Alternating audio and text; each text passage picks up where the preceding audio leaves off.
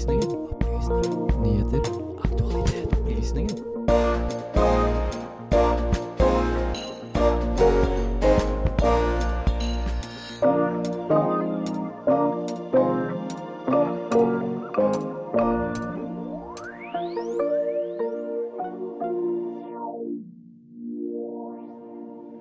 Har frisører lov til å ha kjønnsbaserte priser?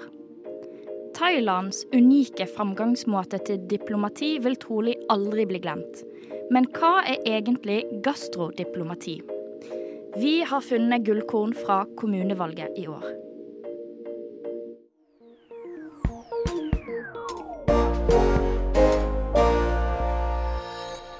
Hallo og velkommen til nok en sending her på Opplysningen 99,3 på Radio Nova. Det er en grå fredagsmorgen, men her i studio er det god stemning. Jeg heter Lise Benus, og det er jeg som har den heldige oppgaven av å lede deg gjennom denne spennende timen med mye gøy innhold. Og heldigvis så slipper jeg å gjøre det aleine. For med meg her i studio har jeg to helt nye, ferske Radio Nova-medlemmer. Har dere lyst til å introdusere dere sjøl, kanskje? Vi kan begynne på min venstre side. Hva heter du? Eh, Jeg heter Aurora. Ja. Hei til deg, Aurora Tobiassen. Hei, hei. Og så på min høyre side har jeg Katinka Hilstad. God morgen, god morgen. Hvordan morgen har dere egentlig hatt det? Aurora, vi kan begynne med deg. Um, jeg har egentlig hatt en veldig fin morgen. Jeg har gleda meg utrolig mye til første sending. Uh, Sto opp tidlig og følte meg sånn fit for fight, så nå føler jeg ja, egentlig ganske godt imot enn så lenge. Enn så lenge. Ja. og Katinka? Nei, eh, jeg valgte å dra meg litt lenger i senga i dag, altså. Um, fant ut at jeg skulle ta en Voi eh, på vei hit. Så fulgte jeg jo Google Maps, da. Det skal jeg jo aldri gjøre igjen. Nei. si sånn, Jeg har aldri blitt dratt sikksakk gjennom Grünerløkka noen gang. Nei, Sånn som i dag. Ja. Men du kom fram i tide, da. Ja. Du sitter heldigvis her i studio. Ja, det er akkurat det. Ja, jeg, eh, hvordan har min morgen vært, eh, spør du? Takk skal dere ha. Eh, min morgen har egentlig vært helt middelmådig. Jeg våknet opp for en gangs skyld uthvilt. Wow. Wow. Det er faktisk eh, prestisje for min En del. gang i halvåret. Ja, faktisk. Men jeg våknet opp forkjølet. Bam, bam, bam. Jeg har hovne mandler, og merker at det kommer på en måte en feber sakte, men sikkert oppover mot hodet. Så dette kan bli en spennende, spennende time. Er dere klare, jenter? Ja, absolutt. Veldig klar. Eh, ja, men da kan vi egentlig bare hoppe videre. God dag og god fredag. Hjertelig god fredag morgen. God morgen, god morgen, god morgen og god morgen. God morgen og velkommen til Opplysningen, Radio Nova sitt samfunns- og aktualitetsmagasin. Med opplysningen 99,3 på øret, ja, da blir det en god fredagsmorgen. Opplysningen 99,3. Hver fredag fra 10 til 11 på Radio Nova. Stemmer det. Vi hører fortsatt på Opplysningen. Vi er fortsatt Opplysningen her inne i studio på Radio Nova. Eh, og det var jo eh, Jeg vet ikke om dere fikk med dere det. Eh, men det var valg på mandag. Kommunevalg. Eh, og personlig så synes jeg at jeg fikk uendelig med push-varsler eh, på telefonen. Eh, og da lurer jeg på her i studio, hva har dere egentlig fått med dere fra det valget? Er det noe eh, facts dere har lyst til å komme med? Aurora? Ja, eh, nei, men helt enig. Det har vært sykt mye inni monitor på valget på mandag, som er ganske spennende. Jeg syns det har vært mye sånn sjokkerende som har skjedd ved det valget her også. Jeg har lyst til å trekke frem noe som jeg la merke til, eh, for jeg kommer fra Skien. Og der hadde det vært litt sånn trøbbel med stemmetellinga, og de hadde glemt å ta med forhåndsstemmene. Så det var eh, tirsdag morgen så var det sånn tolv minutter kanskje med litt sånn eh, drama. For jeg tenkte oi, hvis de teller med forhåndsstemmene nå, så kanskje valget endrer seg helt. Og så gjorde de ikke det, da. Men det, det var jo litt Det var ikke like dramatisk. Det var ikke så dramatisk, men eh, de kunne jo slått ut annerledes. Men eh, det var ganske stabilt der nå. Men det var jo litt spennende å se, da. Ja, absolutt. Jeg kan tenke, Har du fått noe med deg noe spesielt? Ja, altså, jeg har jo blitt eh, ganske hardt spamma, jeg òg. Men uh, jeg har blitt veldig nedringt av uh, Norstat, og, og til og med sånne som prøver å dra deg over til, til deres side, eller hva du skal kalle dem. Um, sånn sett så leser jeg ikke så mye push-varsler, for jeg bare lært meg å bare koble det ut. Uh, men jeg har jo gjerne fått med meg det der med sponsorene til Høyre, da. Om at de har ganske mange gavmilde eh, millionærer som har uh, sponsa dem. Ja. Litt sånn to millioner her og litt to millioner der. Casually. Så eh, ja. Ja, nei, jeg kommer jo fra Bergen, og i Bergen har det jo vært eh, valgdrama uten like. Det har jo vært eh, masse sånne opptellinger og gjenopptellinger, og skal vi telle på nytt igjen? Ja, vi gjør det. Så jeg, jeg gikk meg til slutt litt lei. Eh, skrudde av eh, mine varsler fra de bergenske avisene. Men det har skjedd mye rart rundt omkring i landet. Um, og akkurat det har jeg faktisk sett litt på, og laget en sak som dere skal få lov til å høre nå. Mandag 11. september gikk kommunevalget av staben. Det ble dekket av de fleste nettsider. Side opp og side ned. Time inn og time ut. Push-varsel etter push-varsel. I kveld skal de slippe til de som gir en annen forklaring på Arbeiderpartiets historiske fall enn den Nei, Jonas det Gahr her det er sitt dårligste valg siden 1920. Eh, Høyre kan eh, allerede nå si at de er valgets vinner. 99 år siden Arbeiderpartiet da hadde samme tallet. Med alle disse nyhetssakene er det fort at enkeltsaker forsvinner blant mengden. Derfor tenkte vi her i Opplysningen å gi deg en smakebit på de gullkornene vi fant fra valget som fant sted rundt omkring i Norges 356 kommuner. Vi starter det hele i kommunen Sauda, som ligger nord i Rogaland fylke. I denne kommunen bor det rundt 4500 mennesker, og her rapporterte NRK at det har skjedd noe historisk. Håvard Handeland blir etter valget den yngste ordføreren i Norges historie. 19-åringen stilte seg på listene til Arbeiderpartiet i februar, etter å ha vært medlem av partiet i flere år. Men Håvard slipper å gjøre det hele alene. I denne kommunen samarbeider faktisk Arbeiderpartiet og Høyre om makten. Så med seg på laget får Håvard lektoren Paul Løyning fra Høyre som varaordfører. Men nominasjonsmøtet i seg sjøl fikk ikke Håvard være med på. Han lå nemlig inne på sykehus med blindtarmsbetennelse. Han sier til NRK at han ikke angrer på valget han tok, og at han gleder seg til de neste fire årene. Dette er ikke den eneste situasjonen som involverte et sykehus. Nord i Finnmark finner vi Måsøy kommune. Samme kveld som valgresultatet begynte å tikke inn, og det ble klart at Bygdøylista i Måsøy vant med et knapt flertall, ble òg Ingrid Majala mor for fjerde gang. Det som òg er spennende, det er at Ingrid Majala hun er leder av partiet Bygdelista, og hadde få timer tidligere fått vite at hun skulle bli kommunens neste ordfører. Til VG melder Majala at alt er i orden med både hun og barnet, og at Majala ser fram til de fire neste årene som både nybakt mor og nybakt ordfører. Vi flytter oss videre til smørøyet av Møre og Romsdal, hvor vi finner Rauma kommune. Her forsøkte tidligere Farmen-programleder Gaute Grøta Grav å få tak i ordførervervet. Gaute Grøta Grav stilte til valg for Høyre i hjemkommunen sin, med håp om å vinne valget i en del av landet der høyresiden historisk sett har stått sterkt. Ved siste kommunevalg fikk Høyre 20% av stemmene. Men etter at stemmene ble talt opp på mandag, viste det seg at partiet hadde gått ned til å få bare 12% av stemmene.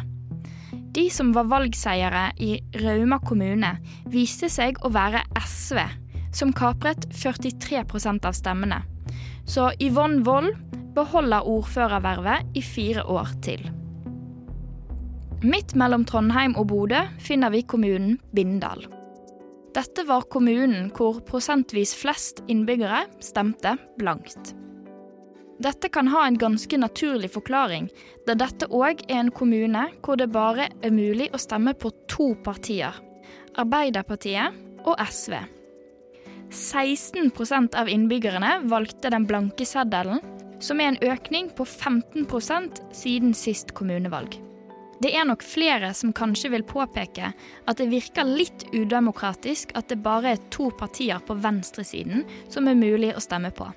En valgforsker sier da til VG at her burde de andre partiene kanskje kjenne litt på kallen og få i gang lister så det blir færre blanke sedler til neste valg.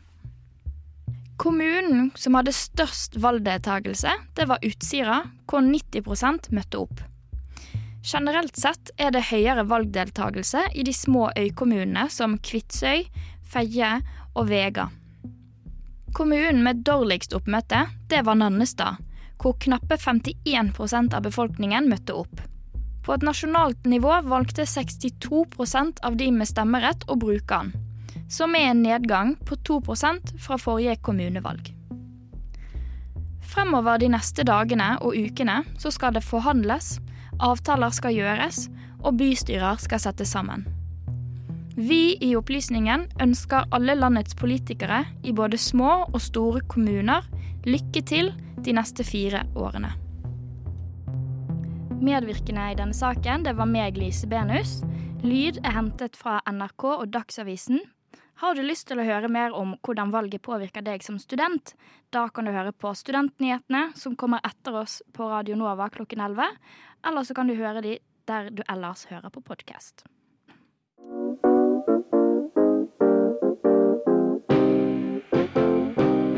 Du hører på Radio Novas samfunns- og aktualitetsmagasin Opplysningen. Hver fredag fra klokken 10 til 11 på Radio Nova. Opplysningen på Radio Nova.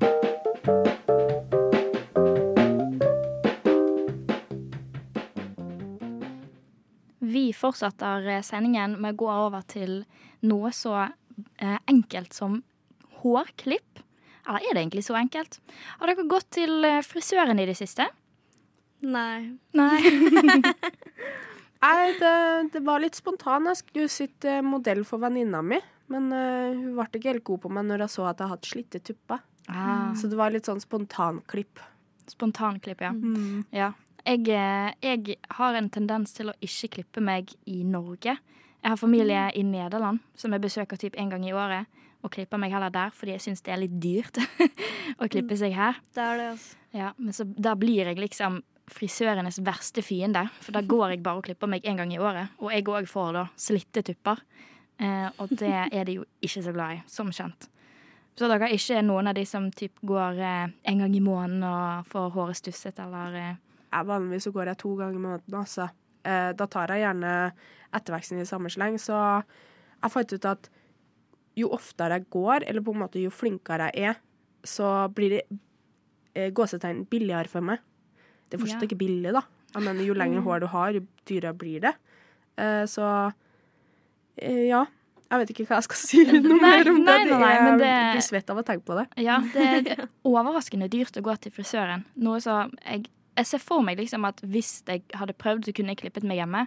Men jeg vet at det finnes mange sånne skrekkhistorier om skeivt hår og liksom Og tør i hvert fall ikke å bleke håret mitt hjemme, for jeg er redd for at alt håret mitt bare skal falle ut. Å, fy faen, det gjør jeg altså. Uff, nå, det går faktisk helt inn til banne. Nå må det når man snakker om hårklipp og det blir så mange følelser inn. Ja, ja, ja, men det er jo det. Herregud. Jeg har jo gjort litt forskjellig um, gjennom barndommen, holdt jeg på å si. Både farga håret og stripa håret til mamma og søstera mi og sånt. Gjort det siden jeg var lita. Eh, så jeg har jo hatt en del eh, artige hendelser her og der. Ja. Um, jeg har drevet med sånn her eh, bleking, hjemmebleking, en periode når jeg hadde veldig blondt hår. Veldig fint og blondt hår. Um, Da for jeg på frisøren for at jeg ville ha hva blir det, kobberfarga hår. Um, Riktignok, da, så Jeg vet ikke, jeg tror jeg fikk panikk etter den hendelsen, så jeg for jo ikke tilbake, så det er min egen feil. Men i hvert fall resultatet var at jeg fikk appelsinoransje hår. Såpass, ja. Ja, og. Da, da gikk ikke jeg tilbake, altså. Nei, det Ja. Ja, forståelig nok sånn sett. Kanskje man burde gjort det for å fikse opp i det, men who cares? Ja. Eh, kan gå rundt med litt appelsinoransje var en stund. Ja. Perioden der også brukte jeg også veldig mye oransje på klærne mine. Ja. Det så, det så ikke ut. Eh, Men akkurat det her med å gå til frisøren og det her med såkalt manneklipp og dameklipp, og om det egentlig er lov i det hele tatt, det har vår reporter Runa Årskog faktisk laget en sak om, så la oss høre på den. 15. mars 2022 mottok Likestilling- og diskrimineringsombudet en klagesak som omhandlet kjønnsdelte priser hos frisører. En kvinne hadde blitt nektet herreklipp-pris på bakgrunn av at hun var kvinne, og uavhengig av hvilken klipp hun skulle ha. Resultatet kom i desember 2022, og dommen ble som følger. Å bestemme pris på klipp basert på kjønn er ulovlig. Til tross for denne bestemmelsen tilbyr flere frisører dame- og herreklipp der prisene på de to behandles ulikt.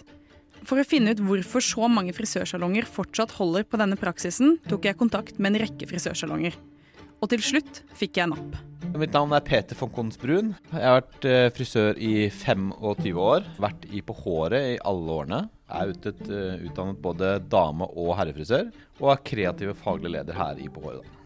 Naturlig nok var det første jeg måtte spørre om hva som var grunnen til at de deler inn i herre- og dameklipp. I første gang så er det egentlig bare for å, at det skal gjøre lettere for kundene å skjønne hva de skal bestille. Det enkleste er fordi at når en kunde skal nettbestille, så vet de hvilket produkt de skal bestille. Og da er det enklere å kalle en herreklipp en herreklipp. Og så er det jo som sagt alle disse misforståelsene som er der ute med prisforskjeller og disse tingene, da. Ja, det er egentlig bare derfor eh, man kaller det det, tenker jeg, ja. Og dette med å gjøre ting lett for kunden går igjen i flere av svarene til Peter. Han forklarer bl.a. at grunnen til at kvinner ofte anbefales å bestille lengre tid på klippen enn menn, handler rett og slett om mengden hår. Igjen så handler det om litt mer om eh, hva en klipp kan kreve, og hva kundene på en måte forventer å få. Da. Veldig ofte så vil jo eh, eller vanlig, så er det veldig vanlig at kvinner har mer hår. Altså ikke da mer hår på hodet, men lengre hår. Og det tar litt lengre tid å vaske, det tar, lengre, tar selvfølgelig mye lengre tid å tørke, for det er mer hår. Og hvis man skal føne og sånt nå, så krever det mer tid. Så det er mer basert på innholdet. Men igjen så er det liksom litt sånn ubevissthet når man prissetter, da. At man gjør det litt feil. Istedenfor å prissette på hva, hva er det du kjøper, så ja. Så man kan gjøre det også litt feil med tid der, hvis man ikke tenker riktig. Det er viktig å påpeke at På håret var den eneste frisørkjeden jeg kontaktet som ikke lenger prissetter etter kjønn, men etter tid og behandling.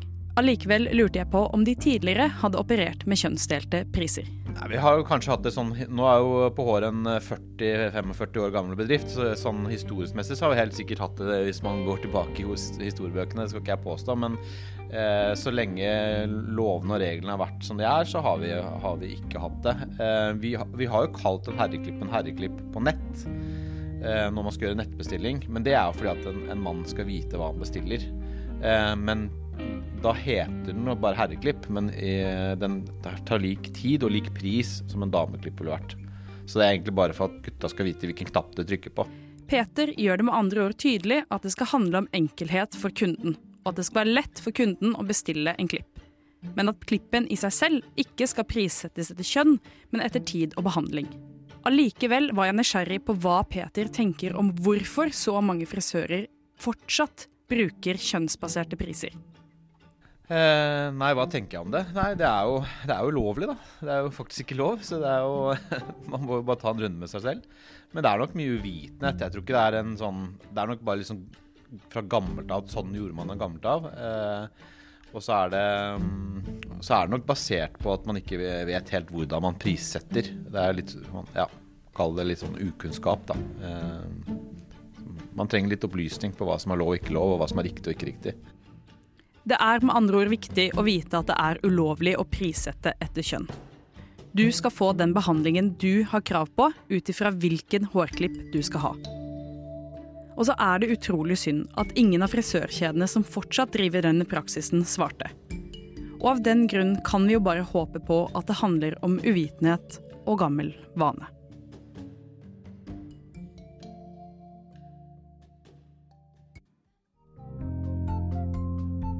Og det er altså så provoserende at folk tror at vi tuller, men vi gjør ikke det, altså. Dessverre. Opplysningen på Radio Nova. Aldri redd, alltid balansert.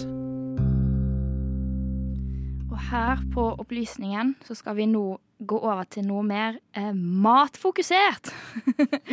eh, vi skal over til noe som kalles for gastrodiplomatikk. Eh, men før vi hører denne spennende saken, så må jeg spørre dere her. Er dere noe glad i thaimat? Ja. Absolutt. Absolutt. Enighet om det. Enighet om det. Har dere en favorittrett?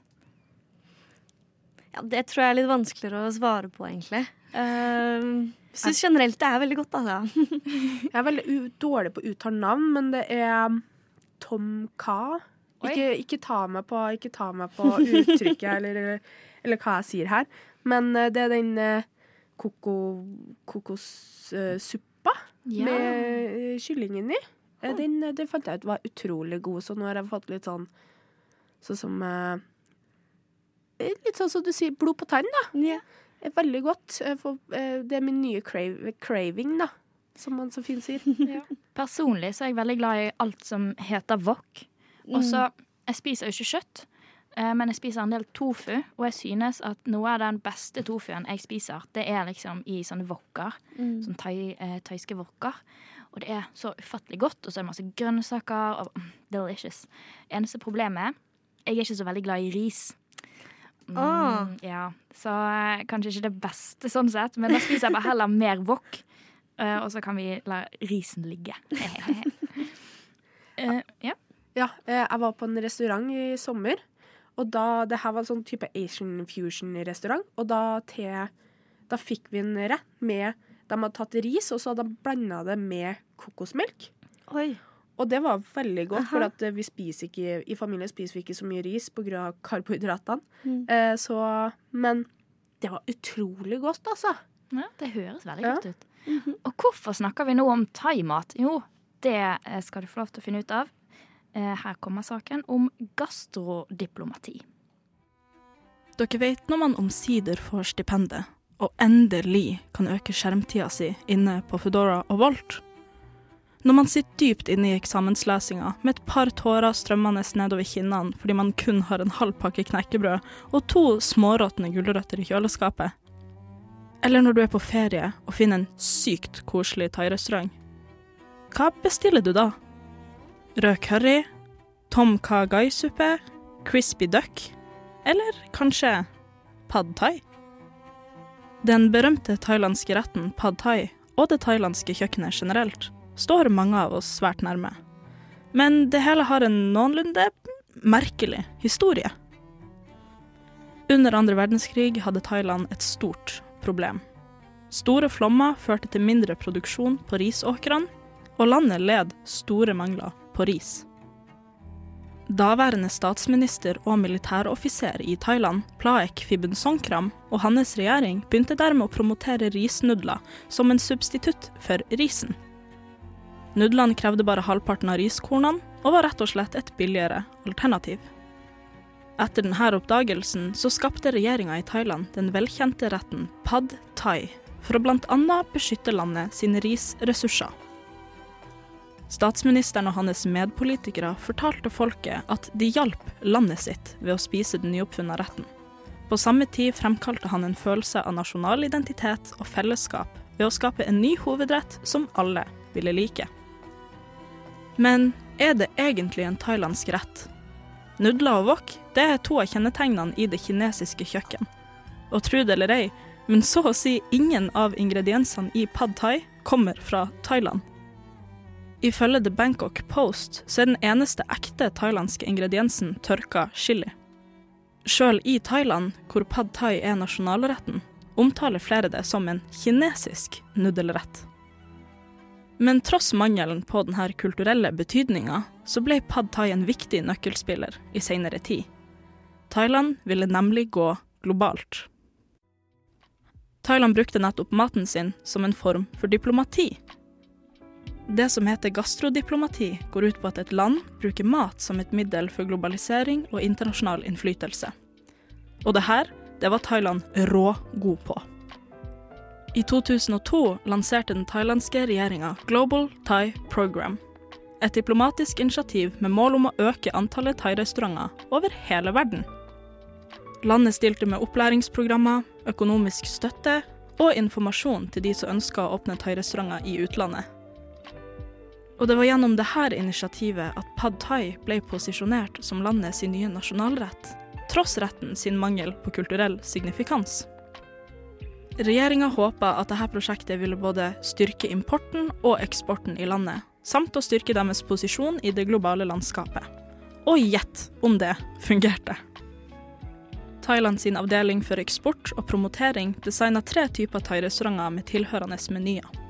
Elephant Jump for fastfood, Cool Basil for mellomprisa mat og Golden Leaf for à la carte måltider. Og frykt ikke, de har ganske så høye krav for Golden Leaf. Kokkene må være trent gjennom den thailandske regjeringa, og de må bruke autentiske thailandske ingredienser. På denne måten gjorde de det oversiktlig og tilgjengelig for investorer og gründere over hele verden å åpne thairestauranter. Som nevnt var målet med dette prosjektet å styrke landet sin import og eksport, men de ønska også å øke turismen til Thailand. De knakk denne koden, og det thailandske kjøkken det går nå hånd i hånd med landet sjøl. Flere andre land så denne ekstraordinære diplomatimuligheten ved å dele sine nasjonalretter til resten av verden, og de beit på. Sør-Korea la av flere titalls billioner dollar i 2009 for å spre kampanjen 'Korean Cuisine to the World'. Det gjorde også Taiwan, Peru og Malaysia. Nord-Korea hoppa til og med på trenden for en periode, med restaurantkjeden kalt Pyongyang. Hvor suksessfulle de ulike landene var, er nok opp for diskusjon. Men det er ingen tvil om at Thailand sin triumf vil gå inn i historiebøkene som det absolutte eksempelet på gastrodiplomati. I dag så er thaimat verdens åttende mest populære alternativ for takeaway. Fra min lokasjon er det nesten 20 restauranter jeg kan bestille thaimat fra gjennom Foodora her i Oslo, og Google Maps lyser opp når man søker på thaisjappa i byen. Og jeg skal være ærlig, mens jeg satt og gjorde research til denne saken, kunne jeg ikke dy meg. Tross at jeg enda ikke har fått stipendet for denne måneden, tok jeg turen innom Volt og bestilte meg en god porsjon pad thai. Og det er absolutt ingenting å utsette på det. Thaimat, det er jævlig digg. Kanskje av de beste slag. Så med andre ord, de visste godt hva de gjorde i 2002. Medvirkende i denne saken, det var Frida Kristine Mogård. Og så er også Radio Nova her for å gjøre opptak til sendingene sine. Opplysningen. Vi er der det skjer.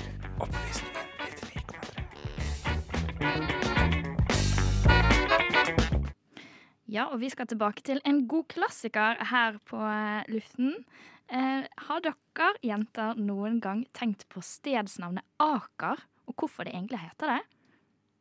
Jeg tror kanskje jeg har begynt å tenke over det sånn nå i løpet av sendingen, når jeg vet at vi skal snakke om det. jeg må ærlig innrømme at jeg har ikke så veldig stort forhold til eh, navnet eller ordet Aker, egentlig. Nei, jeg har bare skjønt at det er viktig å ikke blande eh, Nordre og Vestre Aker. Ja, veldig viktig. Mm. Sier vi her. Som ingen av oss har jo vokst opp i uh, Oslo by, så uh, kanskje ikke vi har nødvendigvis det beste forholdet til Hvor er egentlig Aker? Kommer jeg på nå. Jeg er så utrolig dårlig på geografi. Uh, Nydalen en del av Jeg tror det er Vestre Aker, jeg. Ja. En, ja. Jeg tror Ullevål og Sogn også er en del av Det i hvert fall Du har jo Akerselva. Eh, Ja. Mm. Og eh, i hvert fall jo høyere opp, det tror jeg er vestre. Eller blir det nordre? Ja, der har du i hvert fall Ja, problemet. enig. Ja, for det eneste jeg også tenker på, er hva som er på venstre side og på høyre side av Akerselva, egentlig. Hvis jeg skal tenke Aker. Aker, ja. Men nå skal vi i hvert fall bli litt klokere på akkurat det med Aker. Vi skal få høre på Sebastian Hagel sin sak om stedsnavnet Aker. Aker. Enten det er bedriftsnavnet, eller stedsnavnet, eller noe annet, så er det noe jeg ikke helt vet hvor kommer fra. Men som alle andre Oslo-borgere er det noe jeg ser hele tiden. Det virker som at alt i Oslo har en slags kobling til dette navnet. Samtidig fantes jo det nå nedlagte fylket Akershus, som ikke var mindre forvirra. Nærmest alt i Oslo har noe med Aker å gjøre, og alt rundt Oslo het Akershus.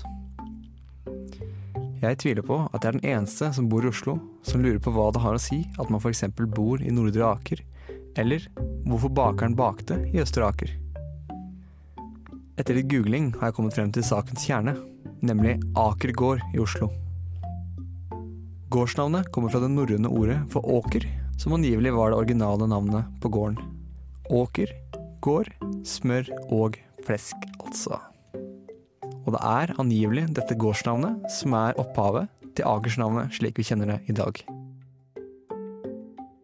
Herfra skal gården ha et navn til Akerselva, Akershus via Akershus festning, siden hus på gammelnorsk betyr borg, samt Aker prestegjeldere, og derav Gamle Aker kirke, Vestre Aker kirke og Østre Aker kirke, som fremdeles eksisterer i Oslo i dag. Borgen sentralt i Oslo, som vi i dag kjenner som Akershus slott og festning, har gitt navn til den administrative avdelingen rundt Oslo, enten det er lenet, amtet eller fylket Akershus, som det har hett opp igjennom. Når trallen går og vi hører om bakeren i Østre Aker, så er det ikke så lett å vite nøyaktig hvor det er. For Østre Aker kirke ligger nemlig ved Ulven og hovedbyen øst i Oslo, og det finnes også steds- og bedriftsnavn helt ut i Grorud i øst og Manglerud i sør, som kaller seg for Østre Aker. Man kan også finne administrasjons- og bedriftsnavn som bærer Vestre Aker, så sentralt som Ullevål og så langt vest som Røa. Vestre Aker er også en offisiell administrasjonsavdeling i Oslo kommune, og strekker seg fra Frøen, som er relativt sentralt, ut helt vest til Røa, samt med og forbi Holmenkollen. Nordre Aker er en administrativ region i Oslo med tydelig definerte grenser. Grensene strekker seg fra Disen i nordøst til Sognsvann i nord-nordvest. Søraker derimot er ikke noe som heter verken på folkemunne eller administrativt. Men man kan vel forstå Aker Brygge i sentrum som en slags Sør-Aker. Dette stedet bærer navnet sitt etter at stedet tidligere huset Akers Mekaniske Verksted ved slutten av Akerselva, som siden har byttet plassering og blitt til det massive Aker ASA, som kanskje er det mest prominente eksempelet på Aker-navnet både utenfor Oslo og internasjonalt. For å konkludere er det to ting jeg har innsett som er trist og morsomt med dette Aker-navnet. Det triste er at fylket Akershus, som har eksistert i lang tid, nå ikke eksisterer lenger, og dermed mister vi rik tradisjon. Det andre er at dersom du ønsker det, kan du si Åkerborg slott og festning om Akershus festning. Dersom du av en eller annen syk grunn har lyst til det. Det er en veldig gøy sak. Sebastian Hagel var reporter i denne saken, og musikken den hentet han fra Blue Dot Session.